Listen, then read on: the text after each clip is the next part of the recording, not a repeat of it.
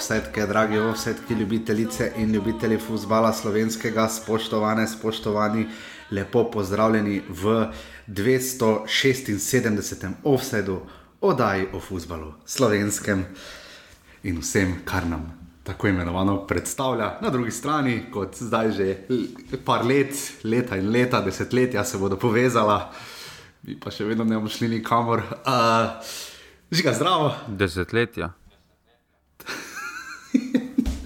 Ja, zdaj že kar dolgo traja, odkar smo kje bili, zdaj že prvo desetletje mimo, smo, da smo kam šli. Ne? Da smo kam šli, ja, ja. To, to, to bo že par desetletij poteklo, da bomo še kam šli. Zdravo, žiga sicer, zdravo, kak si? Redo. Recimo. Malo nas je potovklo, mogoče to, da vem, da ti regijsko nisi tako uh, usmerjen, verjetno tudi marsikateri poslušalci, ki so morda rojeni, recimo, kaj pa vem iz glave po 90. Uh, malo nas je potovklo, da se je Srbija direktno uvrstila, ne nazadnje tudi Hrvaška iz naše skupine, pa Makedonija, ki je bila recimo na tretjem mestu skupaj z nami v kvalifikacijah za Evropsko prvenstvo, ko je selektor Kek nabral prav tako 14 točk v skupini s po šestimi reprezentancami. Uh, mi pa životarimo na četrtem mestu. Uh, uh, kvalifikacije za svetovno brezo so končane. Da, kako se končajo kvalifikacije, pridemo do esence, bistva, ontologije našega futbola. Uh, Žiga in počutje, uh, če uporabim, uh, glede na to, da se začenja zimska sezona, kjer so si izmislili vprašanje, kakšni so vaši občutki, žiga najni občutki ne morejo biti dobri. Ne? Pa jaz se naj primerjal z bivšimi državami. No? Ker okay. vložki sploh niso niti bližje primerljivi. No. Imamo pa stadion. ja, samo še vedno nimamo predsednika. Pač... okay, ja, je malo razlika, ja, to se strinjam, med Davorom Šukerjem in podobnimi.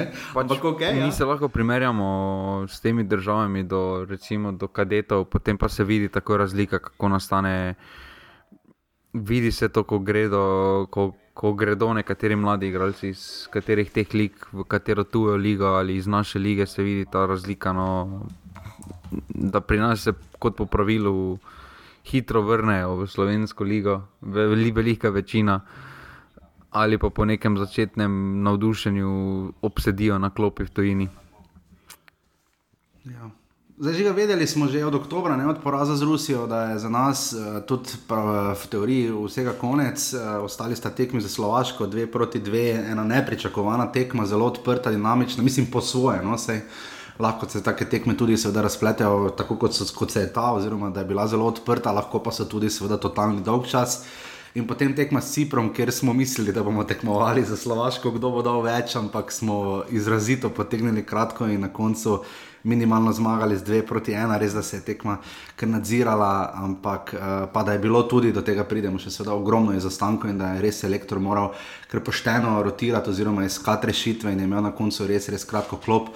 Pa vendar, ko se res za nekaj borimo, če zdaj izamemo Ligo narodov, se tudi do tega pridemo, ker je Slovenija slavila pod narekovaj, glede na to, da smo bili na koncu pred Grčijo, ampak je nismo premagali, v bistvu niti gola nismo dali. Uh, Uh, je marsikaj za pokomentirati, kje smo, kam gremo, včeraj, po drugi strani žiga smo. Ker dolgo časa si, predvsem mislim, da imajo takrat prvi spomnil, da nimamo uradnega cilja. Zdaj vemo, da je cilj bil uvrstitev, oziroma eno izmed prvih dveh mest. Ne? Ja, ne, to je bil cilj selektorja, to ni bil cilj nogometne zveze. Vič, še zdaj tega najbolj ne razumem, priznam, iskreno, pa sem novinar, pa bi moral biti pedanten, uh, pa nisem. Ampak ja, selektor je povedal, da to bi njegov rezultatski cilj in da tega cilja nismo dosegli in je to zadevno razočaran, potem pa je sledil ta niti vejca, ampak bolj podpiče in potem ampak. Um, zakaj bi šele bil, zdaj vemo, da je to, rezultat... to je res narobe, če šele zdaj vemo? Ne? Ja, ampak če bi bil rezultatski cilj nogometne zveze, ne bi dobil nove pogodbe. Pač, to so preveliki denari, se daje tukaj, da bi potem če nekdo ne doseže rezultatskega cilja, da dobi še novo dvoletno obdobje ali štiri letno celo, recimo, ne vem, niti za, ker zaenkrat pogodbe uradno še ni, ne, mislim, vem. Vse nič, ni se po mojem niti ne bomo, uradno samo bomo videli, kako bo začel voditi spet naslednji ciklus. Pač... Zdaj, mislim, da se lektorju po, po vrhu poteče pogodba ravno po koncu šti, prvih štirih od šestih tekem junijske lige narodov v tako ali tako zblaznelem ko, koledarju, ki sledi v prihodnem letu. Uh, selektorju pogodba poteče, mislim, da konec junija, uh, ne vem, zakaj so tako nastavili ali pa niso vedeli še za koledar, uh, ko so podpisovali pogodbo, kar je tudi možno ampak Bomo videli. No, jaz sem se tudi vprašal, žiga najno stališče je, da bi resno morali uh, prevet, se pogovoriti o tem, ali selektorju, pa ne da je zdaj on prvi na udaru, čeprav tudi sam reče, da je ena, na zadnje je tudi to izpostavil včeraj po tekmi. Je Matjaš Kek pravi, oziroma je on razlog, se mu naj podaljša pogodbo, oziroma tako vprašal, kje je začeti. Pa kak, da samo za uvod to naj predava, ker na koncu zdaj vemo, nismo dosegli cilja, pa sploh nismo vedeli, kaj je cilj, ampak si rekel, da to bi tako selektorjev. Kaj zdaj narediti? Problem je, da v mojih očeh najbolj primeren kandidat ima trenutno zelo ugodno situacijo v soboti za selektorja.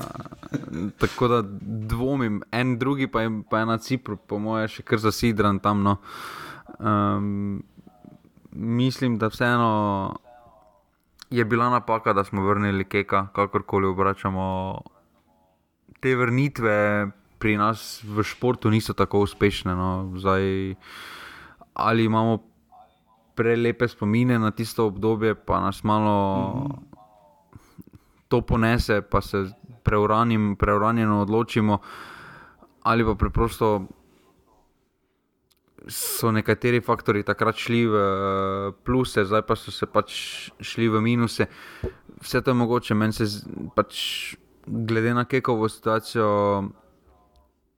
finančno se, po mojem, izjemno splačalo, da se vrne domov, da podpiše dolgoročno pogodbo, ampak mislim, da ni, ni se niti on pravilno odločil, niti nogometna zveza. No, nogometna zveza takrat po tistih dveh neuspelih idejah s uh, selektorjem. So bili neki paniki, pa so spet hoteli vrniti neko ime, ki vnaša, po mojem, v javnost neko mirnost, neko zagotovilo za uspeh, mm. recimo, lahko rečemo tako.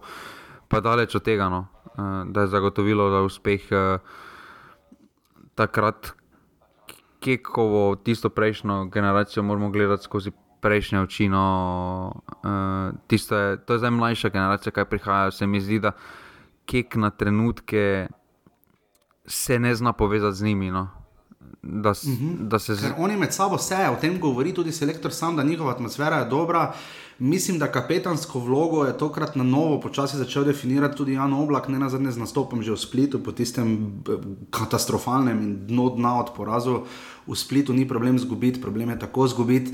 Um, tudi včeraj je rekel, da, je, da moramo iti naprej, ko ga je mislim, Andrej Milkovič vprašal, kaj bo zdaj kot kapetan lahko počel do naslednje akcije, ki bo predvidoma marca, ko bo Slovenija igrala dve prijateljski tekmi, 16. decembra pa izve, kdo bodo trije tekmeci v B-rangu Lige narodov, ki se kot rečeno začne junija.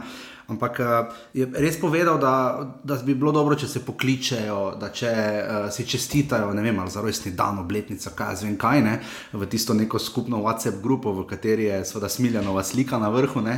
Ampak uh, se mi zdi, uh, on je definiral in tudi včeraj, kaj je povedal, zelo kapetansko, povedal, da je razočaran. Povedal je tudi, da je en izmed glavnih razlogov, kjer smo kratki in šipki. Zdaj, če to reče Golman, zna biti malo problematično, ampak se, tudi če je tako dober kot je on ki je v teh kvalifikacijah to podelal z mogoče enim kiksom, ampak sicer pa res izjemno. Ampak je žiga res izpostavil fizično pripravo. Um, v bistvu, v smislu, po mojem, je bolj letelo na to, da itak, če bodo fizično pripravljeni boljši, bodo več igrali in bodo bolj izpostavljeni v svojih klubih in potem hkrati to delajo tudi.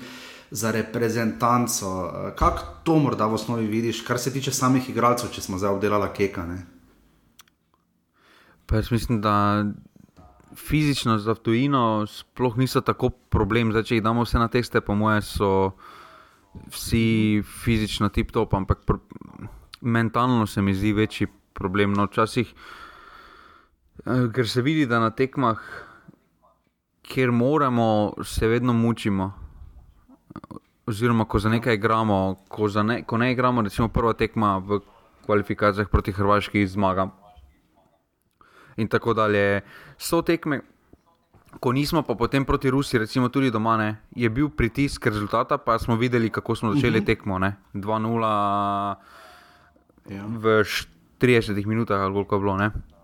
Pa smo uh mhm. -huh. potem začeli spet igrati, ko več pri 2-0, ko res dejansko nimaš več nič za zgubiti.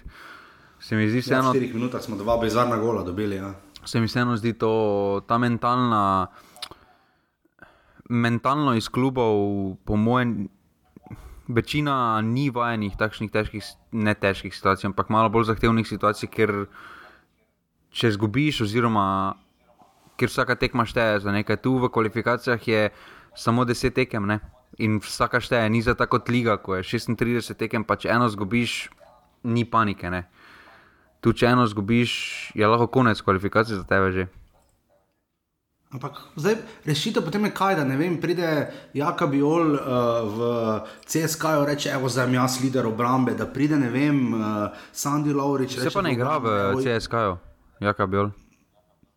No, ampak sej, to ravno, ne? kaj naredi, da vsak od teh igralcev, kaj da Andraš pora, pa reče, evo, guys, jaz Middlesbrough spravo nazaj v Premier League. Ne? ne vem, ne razumem to, ko pravijo, ko, ko se pogovarjamo o vidnejših vlogah, o tem, ne? ker ravno to, vse si rekel, ne se primerjati, ampak ko vidimo, recimo, res tu, tu imamo težavo, se ne da ne igrajo, ni več tako hudo, da res ne bi igrali, so, so tudi igralci, ki manj igrajo, ampak večinoma večino ima selektor kaj za pogled, ni to pet minut tu, pa sedem minut tam, pa pol tri mesece nič. Ne.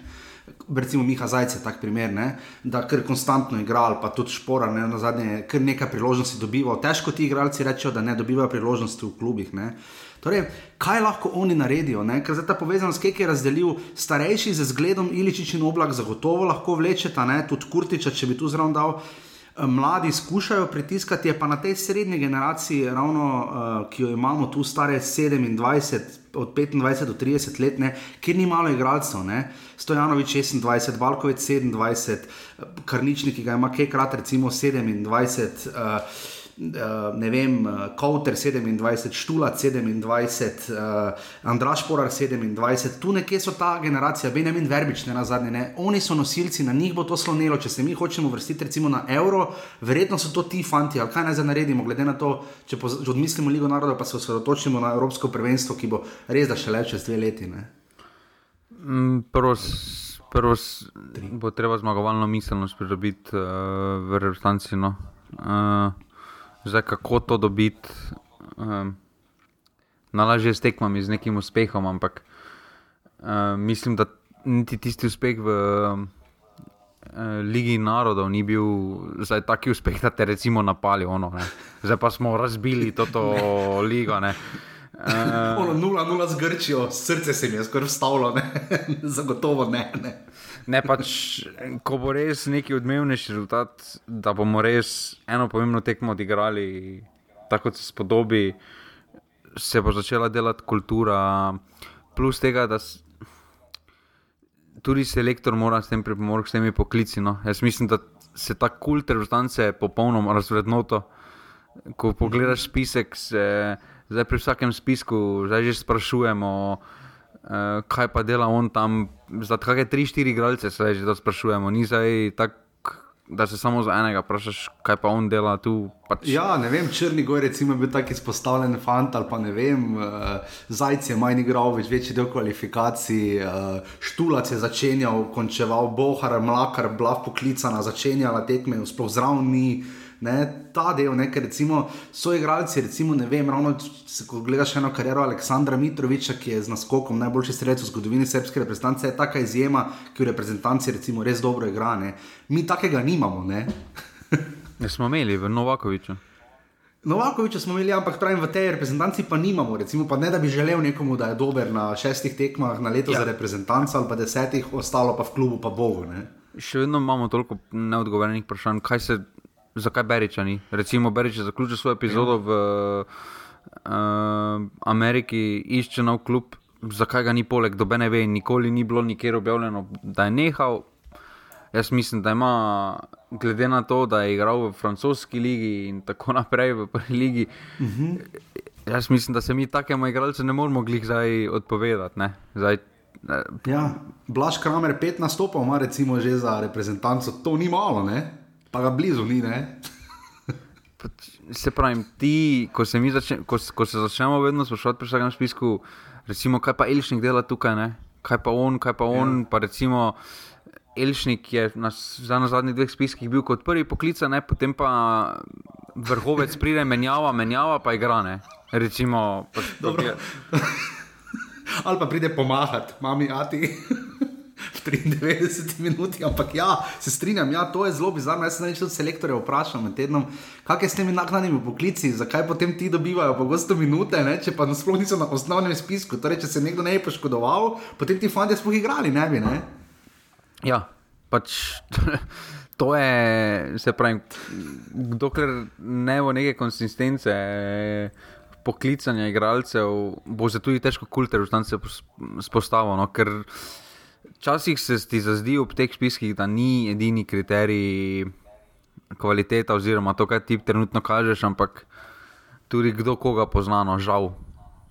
Ja, tudi recimo na zadnje, tako imenovano ne slovo boja na Jokiča, ne, ki je totalno odpadlo iz kombinacij, uh, pa pustimo, zdaj lahko je v top formi, lahko ni. Zdaj pogledamo z te igralce, jaz ne vem z glave, kdo je poškodovan, kdo lahko pride, kaj je z Skubicom, Struno, Jurčevičem, uh, Gorenc Stankovič, dobro je zdaj bil poškodovan, uh, kaj je z Vetrikom in tako naprej. Recimo, če to z glave ne, ne vem, pojma nimam, ne, pa bi moral, pa se upravičujem, to boljše žviga ve, ampak.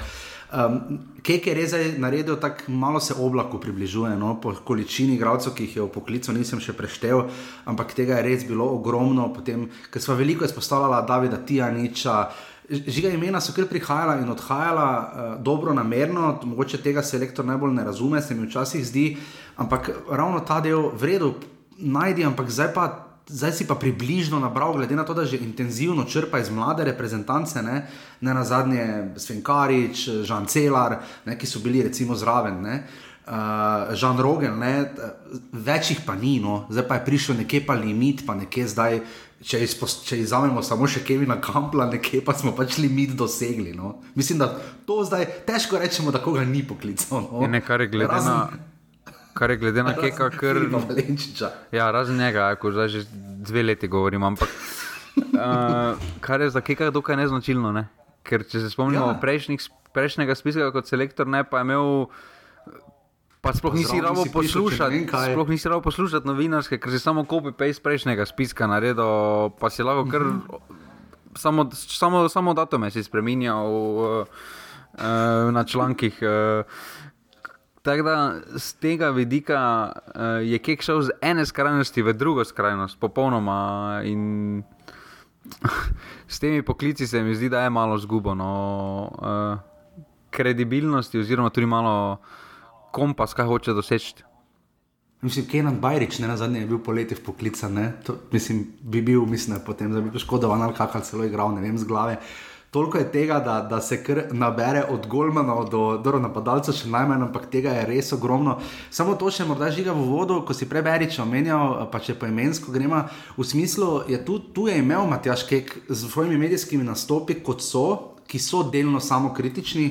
Uh, si je priboril več miru kot srečo Katanec, tu definitivno. Njegove tiskovke ni vprašanj praktično, zakaj ta ja, zakaj ta ne, pri Katancu je se je s tem začelo. Ne?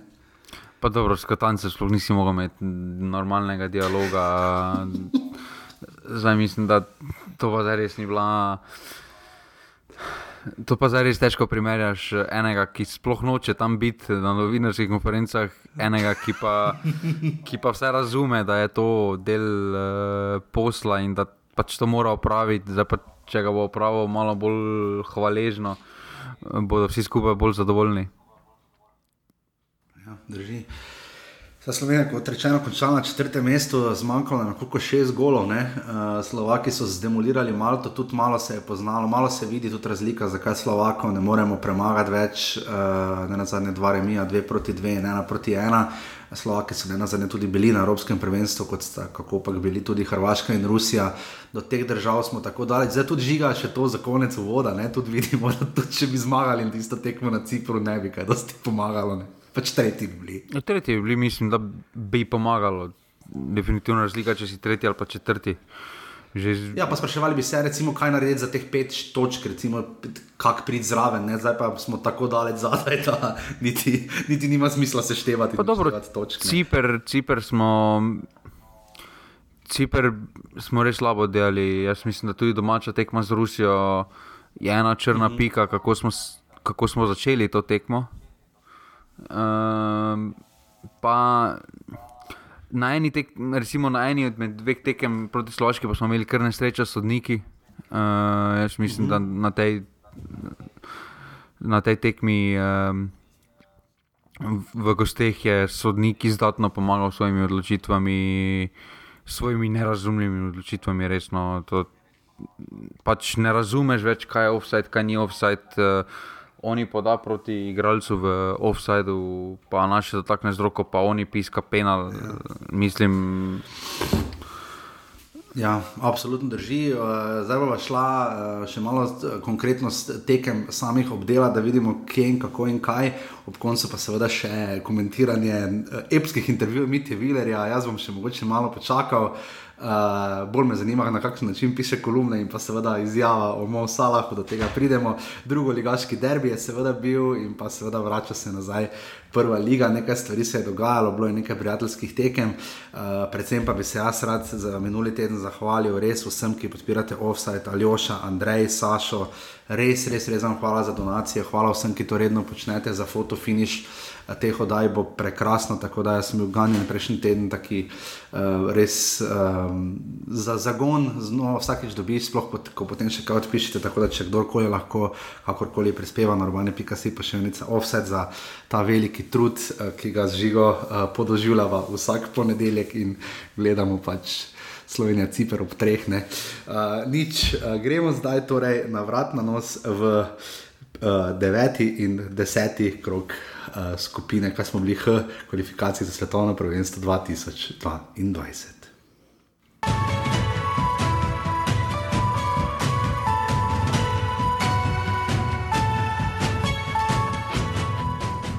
Ja, torej Slovaška, dve proti dve, uh, v Trnavi je bila tekma na takem um, sivu večer, ampak je bil futbal. Dejansko sem nekdaj na zadnje tako dinamično tekmo, oziroma užival v futbalu. No, dejansko je meni je bilo kar razvedrilo po dolgem času gledati reprezentančno tekmo, ker vemo, kako to ponavadi je, ali je silno mučno, ali pa pač slučajno zmagamo.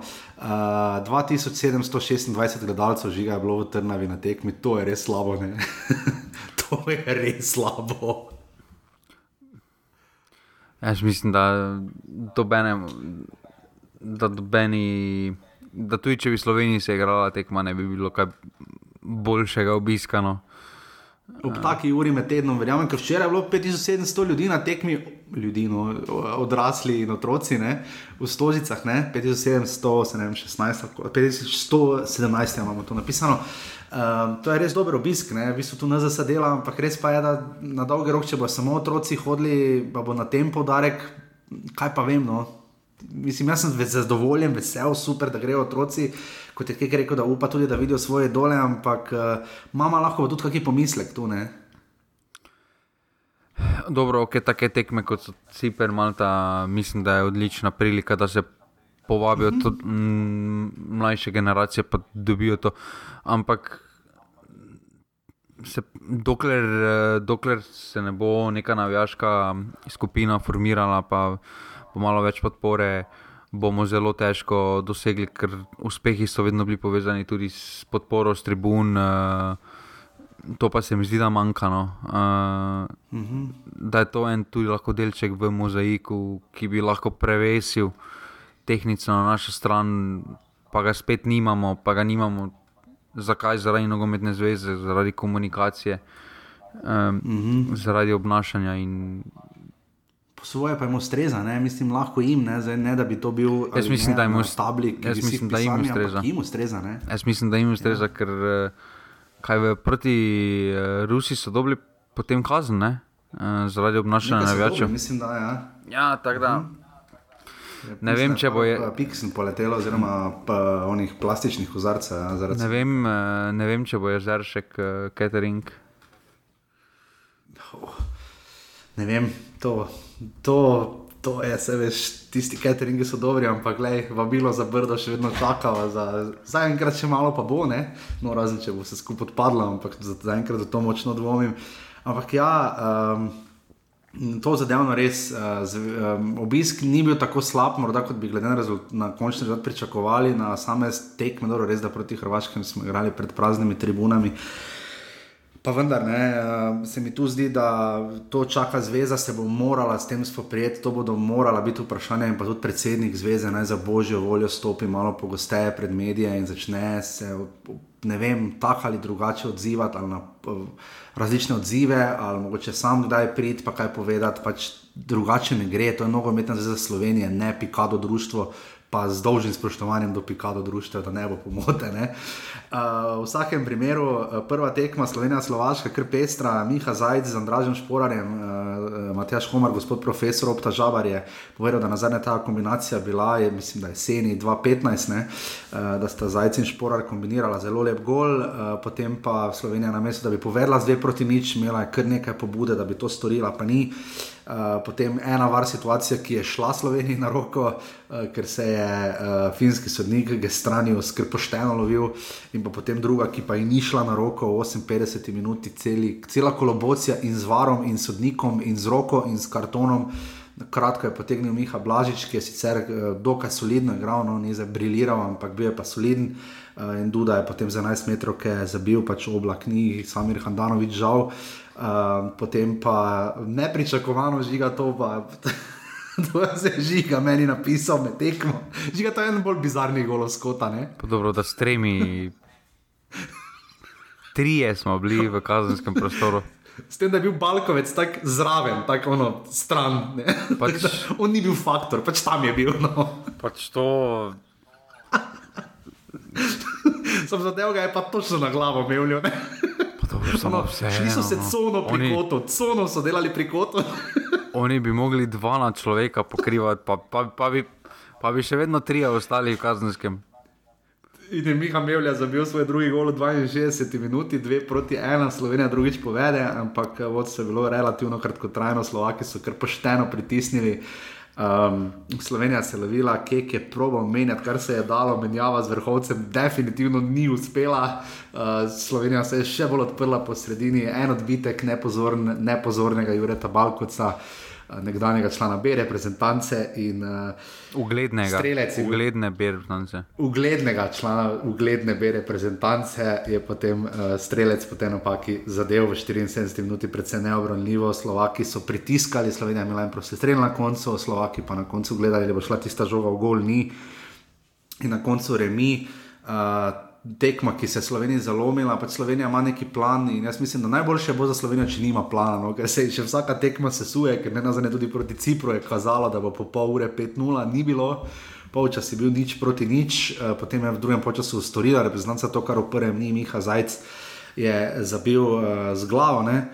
Uh, in pa potem uh, gnezda Čerino 84 minuti po res lepo odloženi žogi. Uh, Žana Celarja, uh, predvsem sam, potem pa je Kakulis sprašil takšen gol, da smo samo gledali uh, v 89 minuti in na koncu so je Ciprsko krop stala in celo upala na remi, ampak to se ni zgodilo, Sergej Ivanov je delil pravico.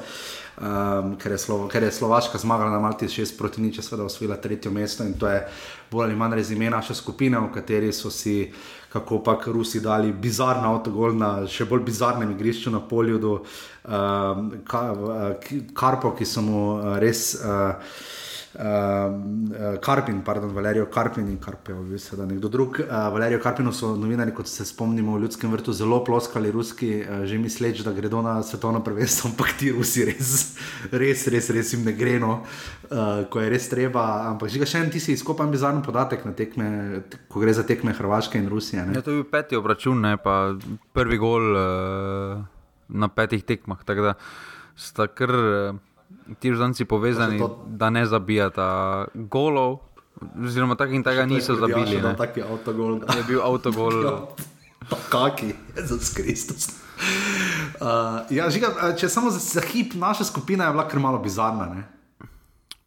Pa mislim, da je bila ne, ne, neka najbolj, ni bila najbolj atraktivna, ampak ni pa bila uh, slaba. Se, težko rečeš. Uh, se mi zdi, da če v Evropi več ne dobiš res San Marina, pa podobnih, ne moreš reči, da imaš nekega velikega outsidera. Uh, Hkrati pa, če bi recimo mi prišli v skupino vem, za Španijo in Švedsko, z uh, Srbijo in Portugalsko, ne, bi, bi, bi bilo konec že na žrebo. No. Bodimo Ne. realni. No. tam bi bili gladko tretji ali pa drugi. ja, ker kao lažje igramo z njimi, samo Rusija, dvakrat zgubili, Hrvate, pač ajde, enkrat se nam serije. Ampak ja, ok, dobro, drugič nas pa ponižajo. Jaz mislim, da tudi ta fama, da mi z velikimi znamo igrati, mislim, da mislim, igramo tako, da ne zgubimo face. No. Ja, no. Kaj naj ti rečem? Ja, no. ja, to ne more biti naprej, je uh, super, 2-0 smo zgubili, veš, kako smo igrali. Ja, pač, halo. ja. Je pa res, da v tej skupini po štiri zadetke sta Onže Duda in pa Josip Iličič dosegla, tako da je Iličič uh, v tej skupini uh, celo si deli mesto najboljšega streljca. Uh, žiga, uh, tekma proti obe tekmi, selektor Kek je nekaj zarotiral, uh, nekaj, kar nekaj nekoliko. Face. Neko, mislim, drugo, sploh ne, drugo je res bil Face prisiljen, ampak uh, odločil se je uh, recimo uh, znova za Zajca, kar ni bil takšen, uh, zelo oktober je bil poškodovan, to se je tudi enkrat zatipkalo. Ampak na njem zdaj spet bolj sloni igra. Ne? Mislim, tak novi Lovrič je, Lovrič je bil novi Črnigoj, Črnigoj je bil novi Štulac, kakorkoli že to gre. Ne? Kaj vidiš selektorjeve poteze pri samem izboru enajsteric obeh? Pa dobro, Zajc uh, je imel dobro klub, prišel iz dobre klubske forme, jaz mislim, da si zasluži priložnost, da ima tudi več kreative kot Laurič. Meni se pač mm -hmm. Laurič, tudi ko je takrat bil res v formi v začetku. Pa se mi ni najbolj navdušeno, tako tak bom rekel. Okay. Uh, ti prebliski se mi zdi, da je super igralec, zelo lahko koristen, ampak ne morejo biti lider oziroma neka kreativa to je zajec veliko bolj primeren in upam, da bo na tem ciklusu zdaj gradil, da bo prevzel malo večjo vlogo, ker smo tudi mogli v naslednjem ciklusu vprašati uh, o vlogi uh, Josipa Iličiča. Uh, samo nekaj, če se prav spomnim. Tudi pod Tomažem Kavčičem, tam na koncu, pa potem, ko je Benedejčič prevzel, je nekako Miha Zajec, potem bil tisti, ki je izkočil. Ne? Pa ja, ima ima to potezo več, no, se tudi že igral, veliko je igral že v tujini, pa še sorazmerno, mm -hmm. recimo, da rečemo lahko, da je kar mlad. Pa je že dal skozi Italijo, zdaj Turčijo, ni to za podcenjevati. In, uh, mislim, da na njemu moramo graditi eh, nekega liderja, v, v zvezdni vrsti bomo morali najti. No. Uh, ker... je, zato, ker sem raje tu začel kot v obrambi, ker se mi zdi, da bo tu glavna težava. Ampak če se za hip dotaknemo obrambe, z Juretom Balkocem žiga imamo težave. No? Jaz mislim, da je boljše, če igra desni bekarničnik tam kot pa Jure Balkovec. Ja. Žal... Ne samo, da spredaj nič ne naredi, še zadaj je nevarno. Ne? Pač... To že kaj kaže. Če se samo, spomnimo, če se samo polju, da spomnimo. Ne, Bože, to, kaj kaže celotno rotančno kariero, jaz mislim, da ni na nivoju da ima tako samoumevno izbiro na levem beku, kot, kot ima trenutno on. Ker za ja. njegovo pozicijo se mi edino zdi poleg oblaka, pa je če tako prepričan, da on pa bo igral. pa ne, v smislu. Ne? ja, pa ne, v smislu. Ja, da več od tega. Uh, se mi zdi vseeno, da pač neko drugo rešitev moramo poiskati na levem beku. Alternativa, kdo, kaj, da damo nekoga, magarite z desne na levo stran. Ne, jaz mislim, da. S, uh, Jurčevič, tudi če ni v najboljši formi, si zasluži, po, si zasluži da ga pogledamo. Uh, uh -huh.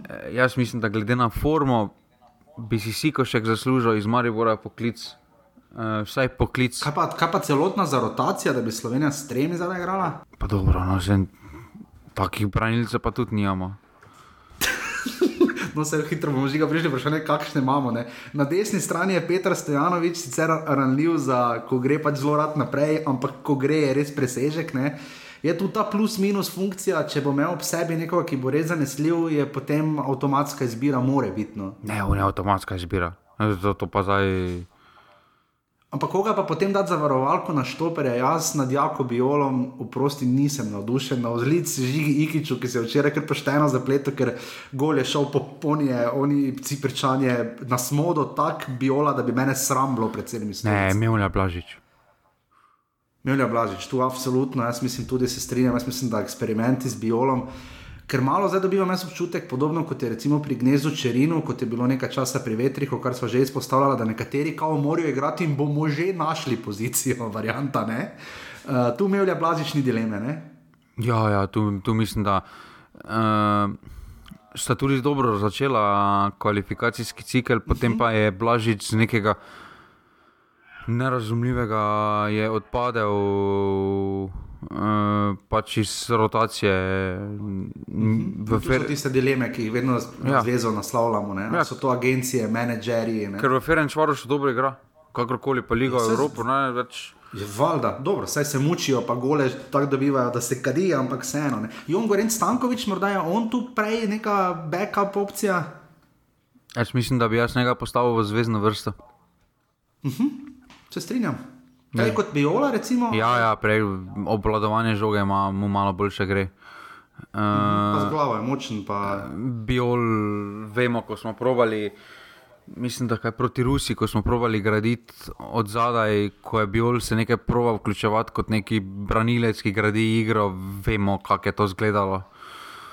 Um, Žiga, kaj, kaj pa misliš o tem, da bi standardna obramba bila, kot je začela po tem, ko se je imela poškodovano ogrevanju, da bi standardna obramba Slovenije bila Berem Stojanovič, Biol, Balkovec, Krničnik? Niti podražno.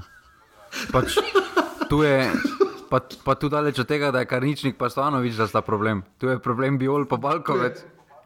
Število, število centralnih branilcev nula. ne, mislim, da imel je blažič.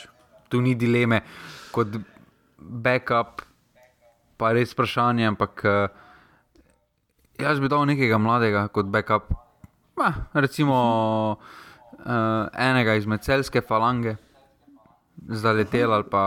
Zaletel se je tu nekako javlja. Ja. Uh, ali pa recimo, ne, tu mislim, da pač za neko prihodnost, mislim, da bi bil veliko bolj primeren, da zaletel uh, ta neka tretja opcija. Ker, ok, kartoni so kar, imamo mi kar probleme, vidimo, da s tem. Uh, Tu, Zelo. Ampak še vedno je potem tu v najslabšem primeru, še vedno tukaj bi ol ali pa tu lahko damo Gorenca Stankoviča. Ampak jaz bi pustil obrambo tako, kot je, pa Gorenca Stankoviča postavil v zvezdno vrsto. Okay. Kaj narediti? Danes bomo odgovarjali na vprašanja, ki si jih želi Mitja Viler. Danes večer, večkrat se bomo nam najbrž ozrli, uh, tudi večer je dal intervju, povedal, da bi večkrat rad, rad bi recimo tudi podcaste delal, uh, Rulo Vabljen, ne? Uh, kot vedno. Um, je povedal, da bi večkrat ga zanimalo, tudi, zakaj se igra v takem sistemu. Ampak zato bom na tej točki vprašal, naj bo vprašanje za strokovni štab zveze. Ne? Bolj uperjen v smislu, da okay, mi bomo igrali taki sistem in bomo našli igralce, ki ta sistem znajo igrati, in bomo to delali pri U21, U19, U17 in tako naprej. Ali pa smo tako mali, da si tega ne moremo privoščiti in imamo na pamet, govorim, Zajca, Verbiča, Iličiča, Lauriča, pa ne vem koga še ne. In bomo tem igralcem, ki jih imamo, prilagodili sistem. Kaj naj naredi strokovni štab žiga? Jaz mislim, da smo mi to že v vsedu povedali pred takimi tremi leti. to zveni zelo optimistično. Ampak nas ne poslušajo. Povedali smo, belgijski primer nam mora biti, mm -hmm. biti vzorec, kako moramo delati. Tam so se na ravni nacionalnih zvez, na, nacionalne zveze so se odločili in so določili klubom, kakšen sistem in kakšen profil igralcev iščejo za kakšne. Za kakšne pozicije, in iz tega je potem prišla ta generacija, De Bruyne, Hazardi, Lukaku, mm -hmm. sistematičnim ja, delom. Vsi Belgiji začenjali tek v klubih. Ne? ne bo se to spremenilo čez noč, ampak neko sistematično delo, ker zdaj se pa zdi, da včasih prilagajamo sistem igralcem, včasih pa igralcem ja, sistem. Ja, in, in ne vemo, kaj. Ampak, Domača tekma Slovaško recimo, je bil tak primer, kjer smo dali sistem pred uh, tipom igralcev. Ne? In morali, in morali bomo od mlajših igrati, ker če, če gledamo. Tekme R, reprezentance, pa recimo, če smo pogledali U21 na Evropskem prvenstvu, uh mhm. -huh. to sta dva različna svetova. Ja, drži. Drži zelo. Ampak, žiga, če bi gledala sam sistem, ker potem je seveda pri uh, vezni liniji avtomatsko vezano z napadom, če se odločiš pač za določeno število napadalcev. Ne? Če bi pogledala slovenske klube, ne? zelo, zelo redko, mislim, da kaj sploh kdo igra z dvema napadalcema v naši ligi. Ne, ne igrajo. Ne, ne. Pa jaz pogrešam, iskreno, ker se mi zdi, kot, uh, ne bom zdaj rekel, da sem analfabet v futbalu, ampak meni se zdi, da se bo vloga napadalca počasi začela spet dvigovati. Mogoče zaradi Halanda, pa, pa na eni starostni. Na enem delu starostne lestvice, pa Levandovskega, na drugi pa govorimo zdaj seveda o Iber preseških. Ne? Ampak se mi zdi, da bi nam mogoče malo bolj bilo napisano z dvema napadalcema, ali ne, pa vem, da ni nujno, da klubi tako igrajo, da se je bolj igralo brez napadalca za 4-3-3 sistemi in tako naprej. Torej, glede na to, da je tu je odraz, igramo z enim napadalcem, bolj ali manj reprezentanci, tudi, ne, eh, in tudi v klubih, večinoma. Ne, čeprav seveda nimajo ti igravci, večinoma, skoraj vsi so začeli v Sloveniji, to ni dileme. Uh, je pa res, da pač so kar hitro odšli. Torej, uh, po tvoji logiki, en napadalec, dva napadalca, vezano na vezno linijo, naj potem zveza pristopi do klubov, torej to je rešitev. Kaj praviš? Ne, mislim, da je izobraževanje, pa da se pove, kak pa kaj. Tudi klubi na mlajših selekcijah iščejo usmeritve, kaj, uh mhm. -huh. zakaj, kako razvijati. In tukaj je na nogometni zvezi, da pomaga klubom ker na koncu, ko pogledamo, odkje je reprezentanca črpala, je vedno črpala iz klubov. Ja, pa tudi klubom prav pride, Saj, potem se dvigne vrednost, ne? mislim, le žana kaničnika, recimo, lep primer. Ne? Ne, vse, vse skupaj je povezano in se vse skupaj dvigne, dvigne se ugled lige, dvigne se ugled uh, v tujini, prestopi bodo boljši, igralce bodo dojemali drugače uh, v tujini, ne bo več pri vsakem slovencu oznaka škrt roba, razen če se napišeš oblak ali pa iličič. Uh, uh -huh. uh, in to je vse skupaj povezano, ampak problem je, da ni te, da ni te sistematike. Da, da, do, da pri mlajših selekcijah uh, se malo dela, malo ne dela, uh, klubi so malo zgubljeni na svojem področju, klubi delajo za sebe, kar je razumljivo, glede na situacijo, v kateri so, ker so prepuščeni sami sebi. Ja, sveda, ja preživeti morajo, pa pač s tem, kar imajo. To, to delno razumem, ampak ja, absolutno se strinjam, da tu bi komunikacija morala bolj steči, ker vidimo, da imamo vidne težave, da tudi reprezentanca igra na nekaj dosti drugačen tip futbola, kot ga gledamo doma, mučimo se z doseganjem golov. No.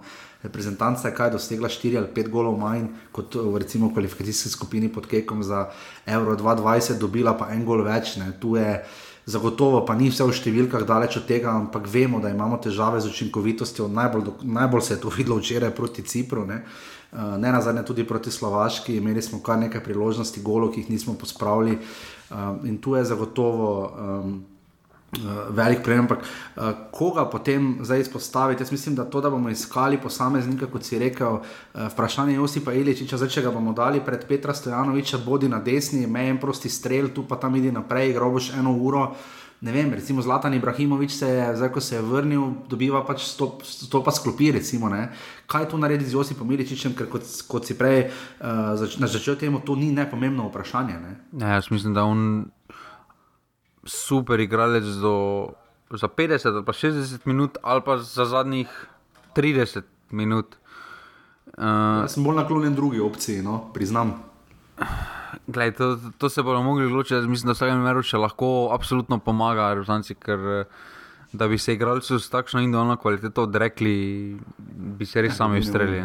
Pač, ja, absolutno. Glede na drugo izbiro, ki jih imamo na bekih. Uh mhm. -huh.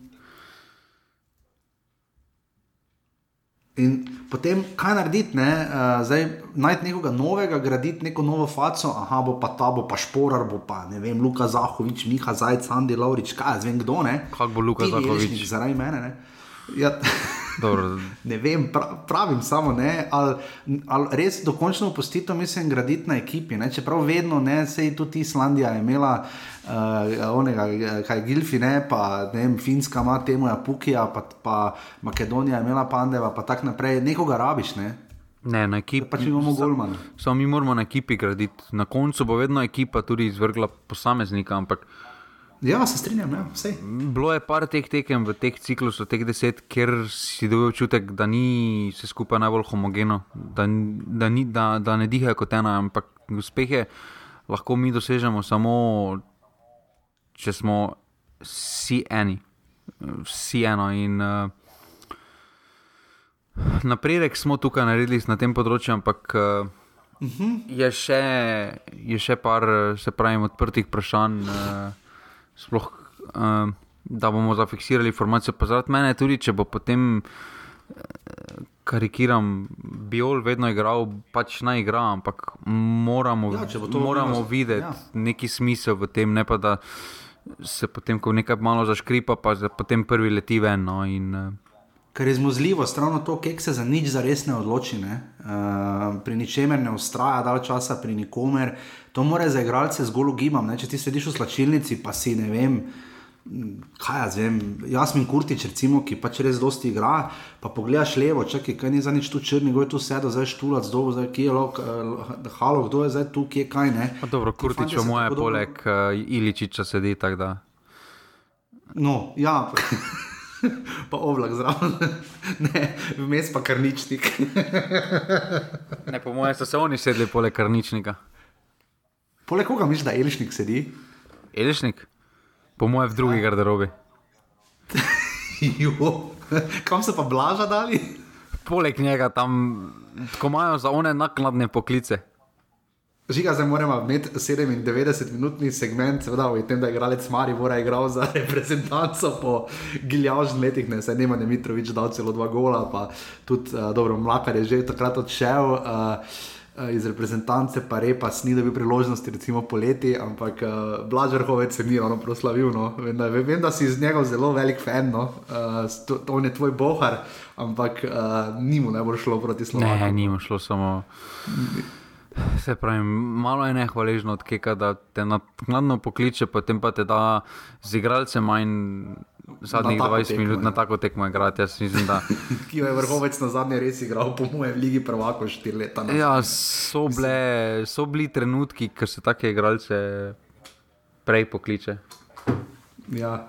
No, ampak uh, proti Cipru je pa vrhunsko odigral, no, to, to pa moramo izpostaviti. To cena 9 najmanj. No. Ja, vstop je res dobro, zatekel je dobro. Mislim, to, to takega vstopa, uh, tak, tak, da ti tako stojiš. Uh, 15 sekund ti ostane, pa ti tako stojiš vehementno za stop v igro. Jaz mislim, da žiga, to, je, to je presežek svoje vrste, to pa ti mari, morda to pa je šola Zlatka Zahoviča. Ne? Če bi imel vse kvaliteto Zlatka Zahoviča, da bi lahko tako stal. Nima, je, to je res. Uh, samo še to, če gledamo sam spisek, uh, zdaj kot rečeno, marca, kek si želi dve prijateljski tekmi za top reprezentancem, zdaj ne vem, kaj to pomeni. Ne? Ali bomo igrali s Francijo, pa Belgijo, ali pa to pomeni, da bomo igrali z nekom, ki ne pač, ker nam je top, ker pol Evrope. Uh, to bomo videli, potem dobimo štiri tekmece. Uh, je kdo na tem spisku, ki, bi, ki bo šel, ki bo odletel, uh, zdaj tako star ni in praktično noben. Ne? Ne na zadnje Kurtič, Iličič sta 32, 33, ne. Uh, Mevlja je 31, uh, recimo ne, Vid Belec je 31, dobro, tako zrni Golman.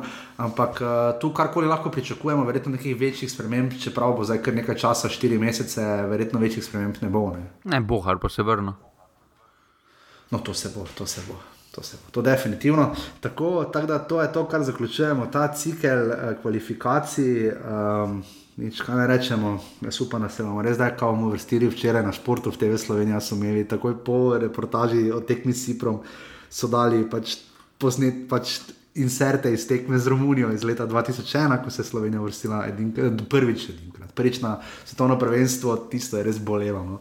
Imelo, po, za, na mene ni imelo nostalgičnega občutka, bil sem razočaran, če že nisem niti jezen bil. No. Pa kakorkoli. Um, reprezentanci, torej vse dobro, uh, vabljeni na Brdo, pač tisti, ki ste vabljeni. In to je to, mi da pa greva zdaj pogledati še ostalo dogajanje v futbalu slovenske.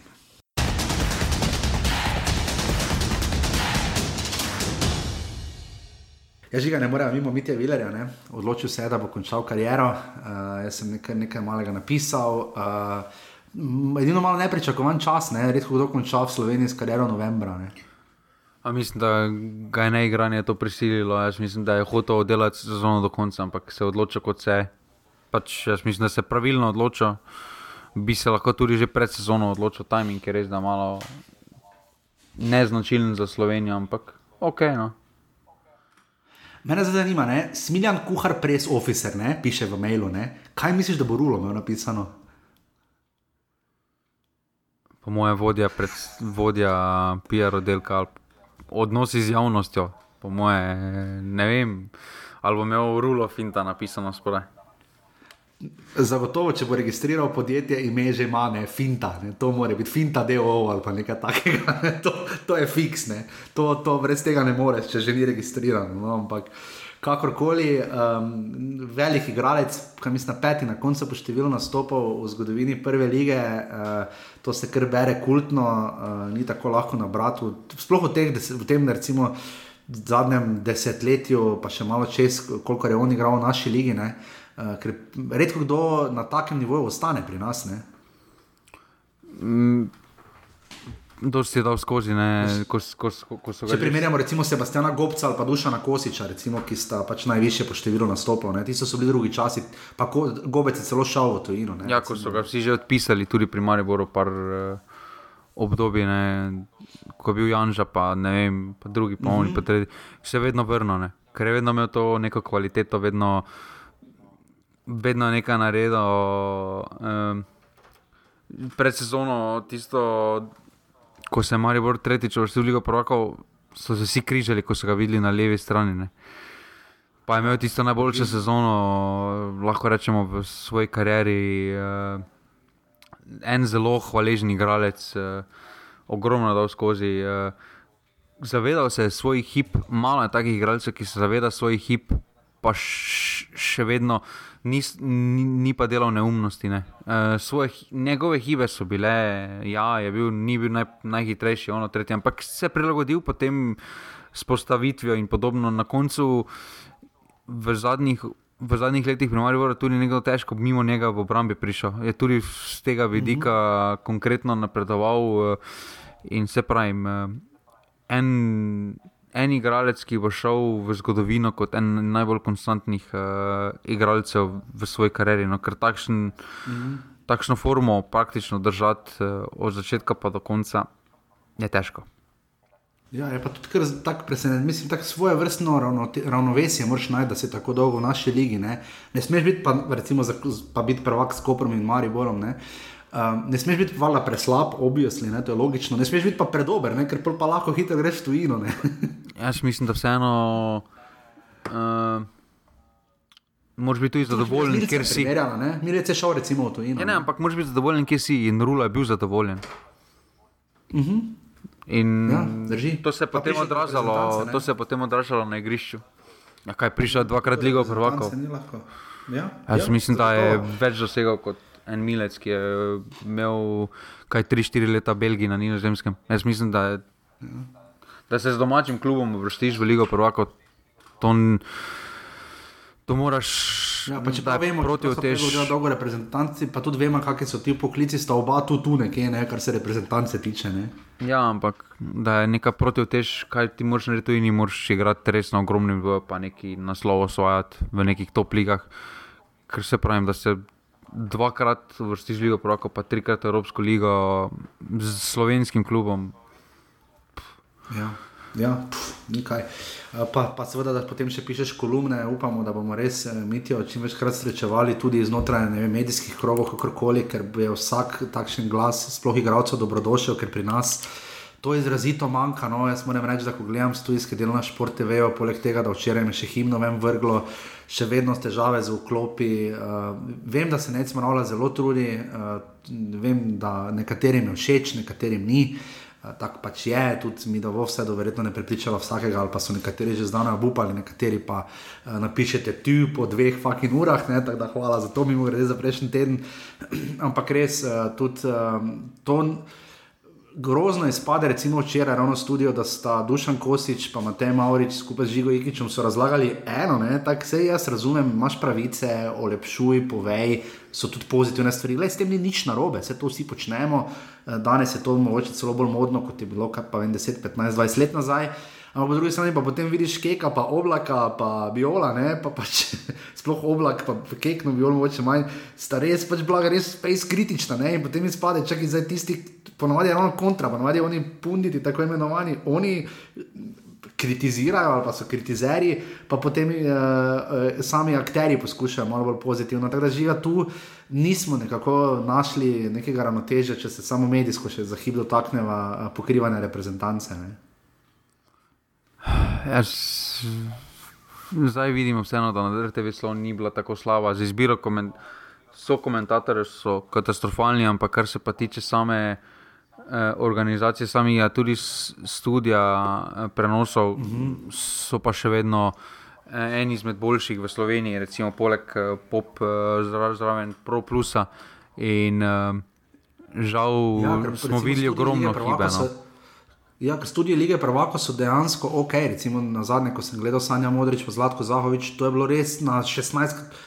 Pardon, jaz sem rekel, na šport TV je to zgledalo kot krožek za mene, no, sorry, brez zamere ljudem do šport TV, pa vem, da se roki in ekipa trudijo, da so omejena sredstva, da je seveda drugače, če ima Zlatka Zahoviča, ampak vseeno pač potem ne kličeš enih ljudi, oziroma pač probaš narediti vse, da najdeš koga boljšega. Ne? Ja, mislim, da tudi vsi tisti ljudje so bili kritični do izbire komentatorjev na RTV, slo, potem pa oni pač isto delajo, ko kličejo nekatere. Eh, ko niso vsem pogodov, ampak dobro, izbira je, kakšna je. Nimamo ja. zdaj tu eh, Linekerje, Ferdinando, ne. Nevilo in podobno. Ampak je, kak je. Bolj me moti to, da zamujanje slika in podobno, no, to je večji problem kot. Ja, zvok in podobno, ja, to, je, to je res. Uh...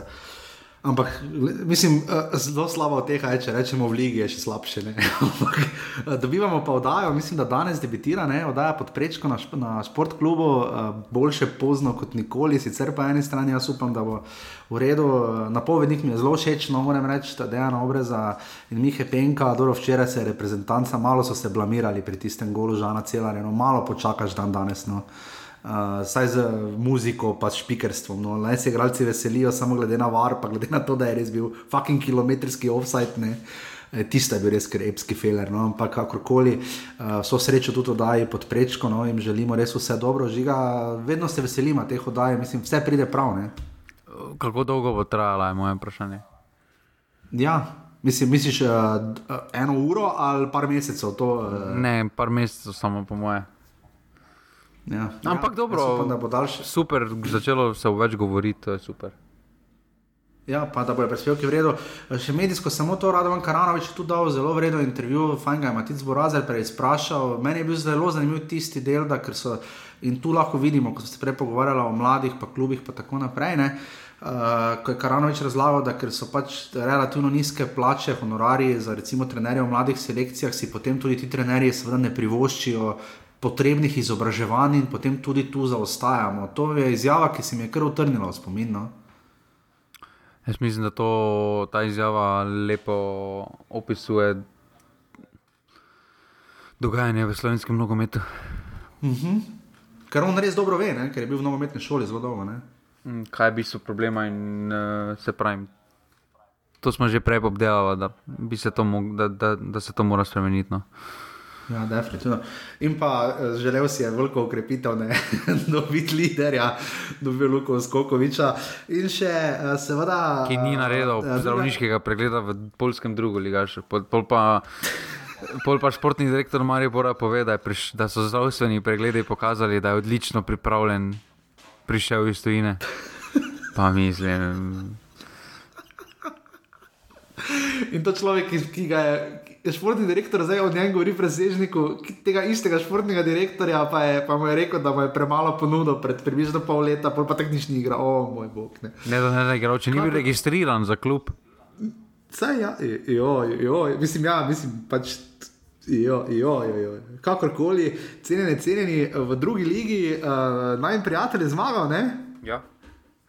Zmaga je z ena proti nič, je rogaška premagala uh, primorje, cenjene, cenjeni. Uh, in pa derbi kroga smo imeli, seveda v Novi Gorici, Gorica je premagala tri glav. Ja, dva nič. Pomeni, ja, dva proti nič, kar pomeni, da se je zdaj uh, približala tri glavo zgolj na točko, ima pa dve tekmi manj. Ne? Uh, tako da je bitka za prvo mesto neizprostna, je pa praktično že končano, kar si, mislim, jaz ne verjamem, da se bo kdo pridružil temu dvoboju. Fužinar ima 26 točk, uh, Jaz mislim, da se bo rogaška približala, rogaška ima 25, primorje in dob pa 24, ter nafta 23. Jaz mislim, da se bo kdo uh, drug prvi... približal. Kdo? Rudar? Rudar. Rudar ima še vedno nula, zelo razliko. 2-2 so igrali v tem času. Prvi remi bil. Kaj? Prvi remi v 16. tekmi. Prvi remi, ja, tako da nimajo več, so nam pokvarili. Tako da to jim je uspelo, če jim že zmagati dve sezoni nazaj. Uh, Uh, tako da to je, kar se tiče uh, druge lige, ki uh, bo potekala še, čakaj, da samo preverim za sekundo, vidim, da so tu te za ostale tekme, so še ugna povedane, kar fejs naprej. Tokrat je bila preložena tekma Krško nafta. Uh, ja, liga se igra do 28. novembra, še dva kroga sta v drugi ligi. Premier liga je že objavila, ne?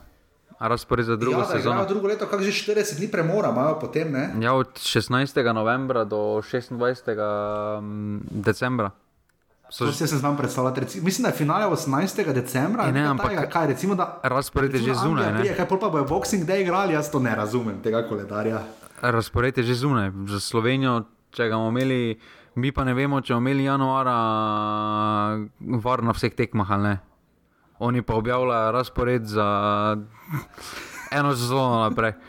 Mislim, ja, dobro, se zdaj ga morajo. Tudi pri nas bo zanimivo, zdaj pri nas, recimo, če bi se liga, če bi prekinili, recimo zdaj ta teden, uh, predvidevam, da bo zdaj vprašanje, kako bo z reprezentančnimi tekmami, teh bo tudi manj. Uh, mislim, da mi bomo ligo komod spravili no? uh, z nekim normalnim ritmom. Pač sredi julija se bo verjetno začelo in uh, potem konc nam, pač sredini, predvidevam, da bomo prekinili ligo. Vala, Ja, poleti bomo v septembru bomo mogli, kar zdaj ni bilo značilno, bo malo več tedenskih krogov, moglo biti ceno. Ja. Ja, ker zdaj bi recimo štiri kroge odpadli, pri tem ritmu se pravi, bo pa že Liga narodov drugače, ker bo več tekem junija kot julija, bo pa igralci eni bodo res nasrkali. No. Ampak kakorkoli, mi gremo zdaj še samo pogledat to, kar nas seveda druži iz ponedeljka v ponedeljek in kar nam daje radost, veselje in srečo, 17. krok prve lige Telemach. Eh, vzamite ven denarnice, žiga je študiral, žiga je perajt, žiga bo dvignil svoj skor. Žiga od zdaj naprej, prosim, da imaš uh, vsaj 50 odstotni skor, oziroma 60 odstotni skor. To je, prosim, tvoja naloga za bodoče, ker jaz več teh 0, 0, 4, 0, 4, 1, jaz to več ne bom prenašal. Tri tekme moram zadeti. Tri tekme moram zadeti tip tip, okay, okay, začenjaš, zač, začenjaš v 17. krogu na uh, tekmi uh, dveh klubov, ki sta, nista tam, kjer bi rada bila, definitivno ob 17. uri, uh, Tina Klementiča ne bo pri domžalah, celjani bojo polni zasedbi. Domžale, celje žiga. Remi bo. Okay. Bo pa 1-1 ali pa 2-2. Ok, dobro. Potem ob 20:15, uh, derbi kroga, uh, Olimpija, Mura, Muro čaka peklenski teden, najprej gredo v Stožice, potem v Ljudskem vrtu gostijo Totnem in potem uh, gre, gre, doma gostijo še Maribor, tako da jih čaka res teden, vseh tednov, žiga Olimpija, Mura. Ena, dva. Mura bo zmagala. Mura bo zmagala. Zdaj, če boš to še enkrat rekel, bo smiljen do nazaj, da bo lahko dvakrat to poslušal. To bo zdaj pokazal doma, pa rekel: to poslušaj, oni v oni sejni sobi, pa nekdo gre, pa dvigne pokal. Ena, dva bo mora zmagala. Ena, dva. Oh, Forca Dino Skender, ok. Uh, potem pa tri nedeljske tekme, kako pa kosilno uh, uh, obe, obedovanje za tabor Sežano in Bravo, kultna tekma, žiga, koliko bo? 0-0. To pa res tako. No, no, Kakšne tekme so to, ti krok, ko si imel, to, da moram zadeti tri tekme. ja, zdaj si malo bolj previden, ker zadnje štiri tekme je dušan kosič 1-0 zgubil, če se prav spomnim. Ja, pa, zglave, zdaj so okay, dobro, dobro. bile pauze. In potem, ja, potem uh, ob nedelja ob 17. uri mari bo aluminij. Aluminij bo presenečen, z remijem, oh. v ljudskem vrtu. Z remijem. 0-0-1-1. 1-1 ena, ena, remi bo, e, ja. si že tri remi je napovedal. In pa krog, krog boste zaključili, koper in radomlje. Ne, ne. bo težko. Ne, tu pa radomlje, gladko. Radomlje. Radomlje, gladko, 2-0. 2-0 v gosteh, v Bonifiki.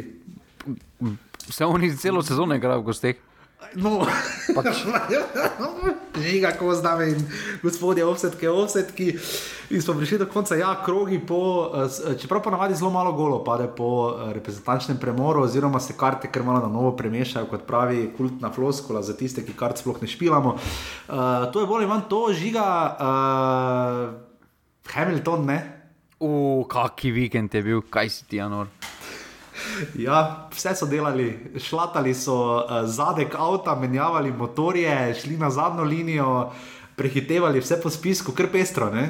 Ja, sreča imel sicer, da je bil sprint vikend race. Uh, ja, ker da lahko noč sprava. Ja.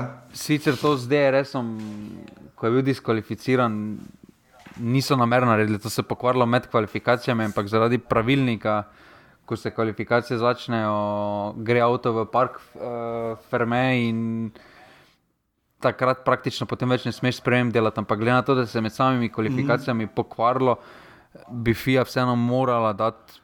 In možnost, da popravijo avto, in potem bi šlo, ampak so šli direktno do Stewartov, ki so se pač odločili, da je bila diskvalifikacija.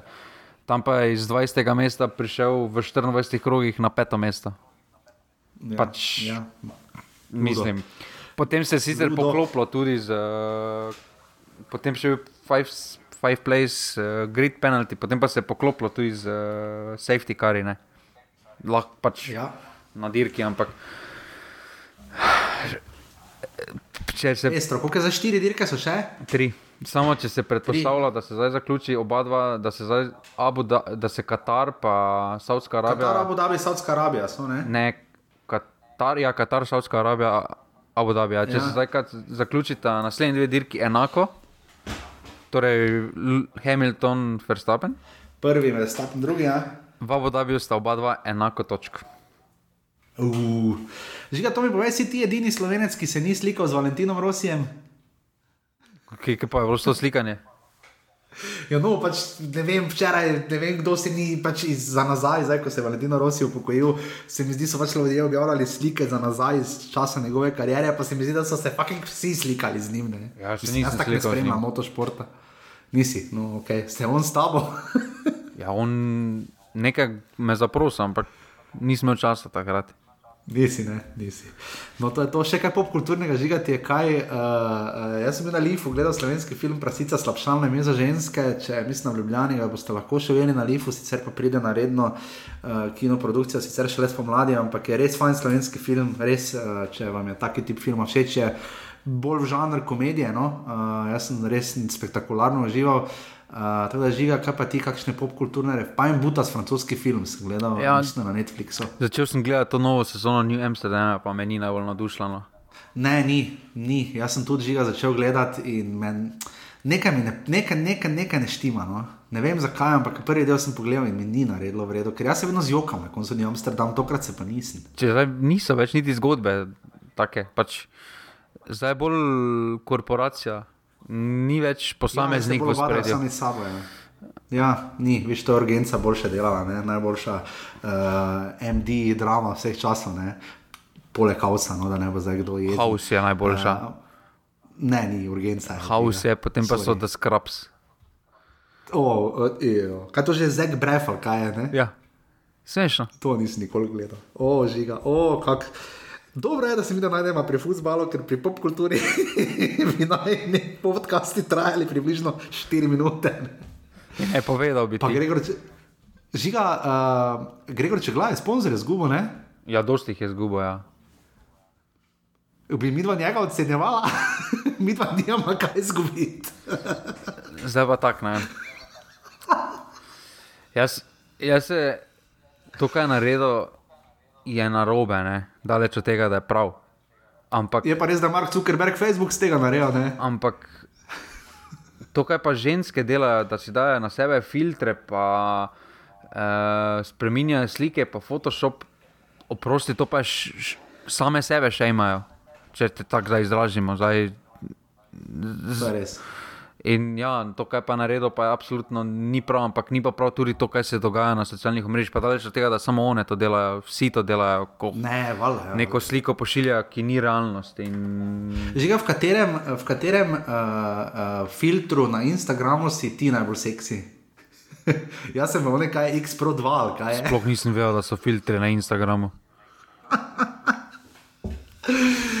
kultna oddaja, dame in gospodje, reprezentanca nam s tem postreže, ker je pač uh, malo več lahko še česa drugega. Povem, jaz upam, da ste zelo, zelo uživali v še enem offsetu. Hvala vsem, ki podpirate normani.si, pošiljnica offset, res, res, hvala, hvala, hvala, hvala. hvala.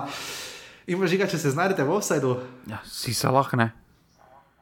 Ja, ja. Ki zabijaš po 30 golov v Premier League, ampak za levega beka iz Slovenije ga nisi navdušen. Ne, Ne, ni. James Miller pa ga je. Ne? James Miller ga je. Ja. pa Hazard. Pa oni, čakaj, pa Branislav Ivanovič je rekel: Ja, zguzo, zguzo, da ga je zguzo pa nogami, da mu nisi mogel blizu priti. Mislim, kralj, kralj, kralj, no. ni, ni oškaj. No. Ti smo salah, ni dober, pa človek deset golov je dal na dveh tekmah, deset golov je ja. Liverpool dal na dveh tekmah, ljubi. Tukaj je edina, edina teorija, zakaj mu salah ni bil dober, je, ker ga po mojem v ljudskem vrtu sploh ni videl. Ker ko so oni žogo 30 prejeli, so. je Marijo Vrska obramba še vedno obstala na sredini, oni pa so že v golobli. Kultno, kultno.